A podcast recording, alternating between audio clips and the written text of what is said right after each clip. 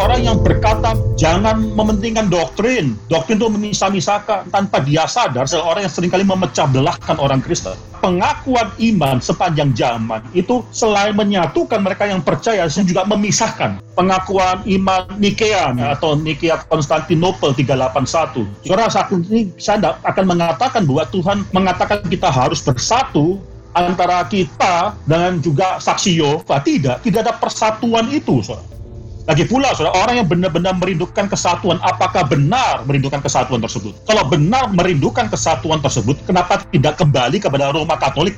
Maka di sini saudara jangan kita jadi orang yang bodoh.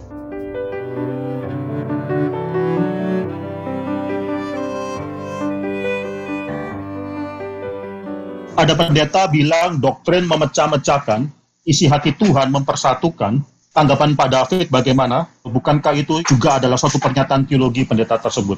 Oke, saudara, ini suatu hal yang saya rasa penting untuk dijawab. Banyak orang yang mengatakan bahwa doktrin itu memecah-mecahkan, tapi ini suatu pemikiran yang salah. Saya percaya doktrin justru adalah suatu hal yang bisa mempersatukan, saudara. Yang benar dan yang salah itu dipisahkan, harus dipisahkan. Tapi yang benar dipersatukan dalam suatu doktrin, suatu pengakuan iman yang sama. Kalau saya perhatikan dalam Injil Yohanes pasal yang ke-17 ayat 11 dan aku tidak ada lagi di dalam dunia tapi mereka masih ada di dalam dunia. Dan aku datang kepadamu ya Bapa yang kudus. Peliharalah mereka dalam namamu yaitu namamu yang telah engkau berikan kepadaku supaya mereka menjadi satu sama seperti kita. Saya baca ayat ke-20 dan bukan untuk mereka ini saja aku berdoa tapi juga untuk orang-orang yang percaya kepadaku oleh pemberitaan mereka. Ini future disciples saudara ya supaya mereka semua menjadi satu sama seperti engkau ya Bapak di dalam aku dan aku di dalam engkau. Agar mereka juga di dalam kita supaya dunia percaya bahwa engkau lah yang telah mengutus aku dan aku telah memberikan kepada mereka kemuliaan yang engkau berikan kepadaku supaya mereka menjadi satu sama seperti kita adalah satu aku di dalam mereka dan engkau di dalam aku, supaya mereka sempurna menjadi satu, agar dunia tahu bahwa engkau yang telah mengutus aku dan bahwa engkau mengasihi mereka sama seperti engkau mengasihi aku. Saudara ini bicara banyak mengenai kesatuan, tetapi kesatuan ini adalah suatu Tuhan yang juga memisahkan. Eh, ke-14 misalnya. Aku telah memberikan firmanmu kepada mereka dan dunia membenci mereka karena mereka bukan dari dunia sama seperti aku bukan dari dunia. Ini kesatuan murid-murid Tuhan, tapi bukan kesatuan seluruh manusia. Dalam ayat ke-25, ya Bapak yang adil, memang dunia tidak mengenal engkau, tapi aku mengenal engkau dan mereka ini tahu bahwa engkaulah yang telah mengutus aku. Ini pebisan antara mereka dan dunia. Ini suatu hal yang sangat jelas sekali, saudara. Saudara perhatikan di sini kesatuan itu adalah kesatuan yang harus berdasarkan kebenaran atau firman. Itu adalah dasar daripada persatuan yang Tuhan bicarakan dalam Yohanes pasal 17 ini. Sekali kalau kita perhatikan ayat ke-8 misalnya. Sebab segala firman yang engkau sampaikan kepadaku telah kusampaikan kepada mereka dan mereka telah menerimanya. Mereka tahu benar-benar bahwa aku datang daripadamu dan mereka percaya bahwa engkaulah yang telah mengutus aku. So, mengaku apa yang kita percaya suatu hal yang sangat penting sekali. Kita tidak bisa menjadi orang Kristen yang tidak memiliki pengakuan iman. Yang mengaku pengakuan iman adalah suatu summary, intisari daripada apa yang kita percayai. Tidak ada satu orang Kristen pun ketika ditanya apa yang engkau percayai, dia akan baca satu persatu kata demi kata daripada kejadian pasal 1 ayat 1 sampai dengan akhir daripada kitab Wahyu. Tidak ada. Siapa pun, denominasi apa pun, ketika kita ditanya apa yang engkau percaya, kita pasti mengeluarkan suatu pengakuan iman, statement of faith. Saudara.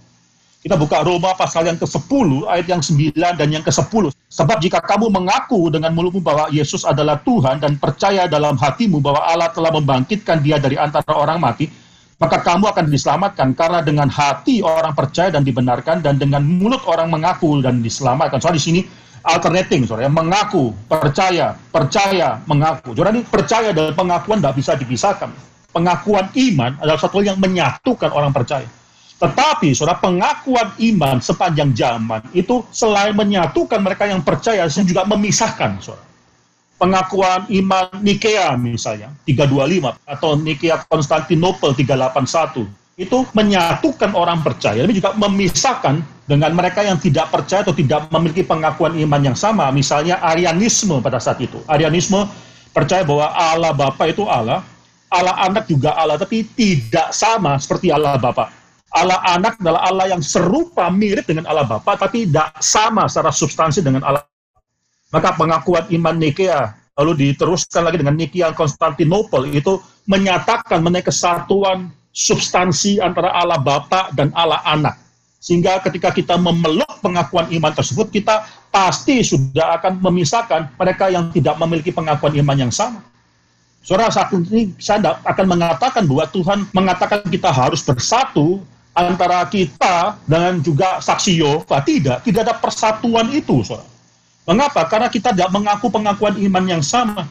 Kita tidak percaya kepada Tuhan yang sama. Mereka percaya Allah anak itu adalah Allah, tapi diciptakan. Kita tidak percaya. Kita percaya Allah anak adalah Allah yang kekal dari kekekalan sampai kekekalan. Saudara. Maka di sini, saudara, jangan kita jadi orang yang bodoh. Baik bersatu, bersatu dalam hal apa?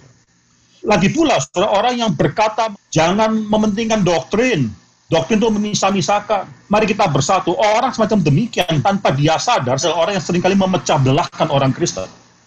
Soalnya sering kali orang yang seperti demikian memiliki kesombongan rohani yang tidak dia sadar. Coba kita baca satu bagian Alkitab yang sangat menarik sekali dalam 1 Korintus pasal 1 ayat 12. Yang aku maksudkan ialah bahwa kamu masing-masing berkata, aku dari golongan Paulus, atau aku dari golongan Apolos, atau aku dari golongan Kefas, atau aku dari golongan Kristus. Itu yang terakhir mengatakan aku dari golongan Kristus. Soalnya yang dari golongan daripada Paulus itu problem. Ada, orang yang mengatakan enggak, saya adalah dari Apolos, ada yang mengatakan enggak, saya daripada Kefas. Itu semua memang ada problemnya. Tapi yang paling problem di sini adalah justru mereka mengatakan bahwa mereka adalah dari golongan Kristus. Mengapa?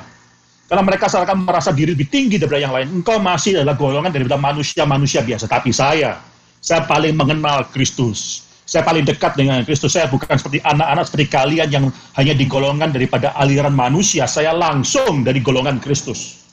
Soal orang yang kelihatan lebih rohani ini ternyata yang paling tinggi hati. Soal. Lagi pula, saudara, orang yang benar-benar merindukan kesatuan, apakah benar merindukan kesatuan tersebut? Kalau benar merindukan kesatuan tersebut, kenapa tidak kembali kepada Roma Katolik? Kenapa harus dalam gereja denominasi mereka atau bahkan gereja independennya mereka? Independen arti saya tidak di dalam pengaruh dari satu doktrin, denominasi atau satu pengakuan iman. Tidak, saya independen yang mencoba merangkul semua orang.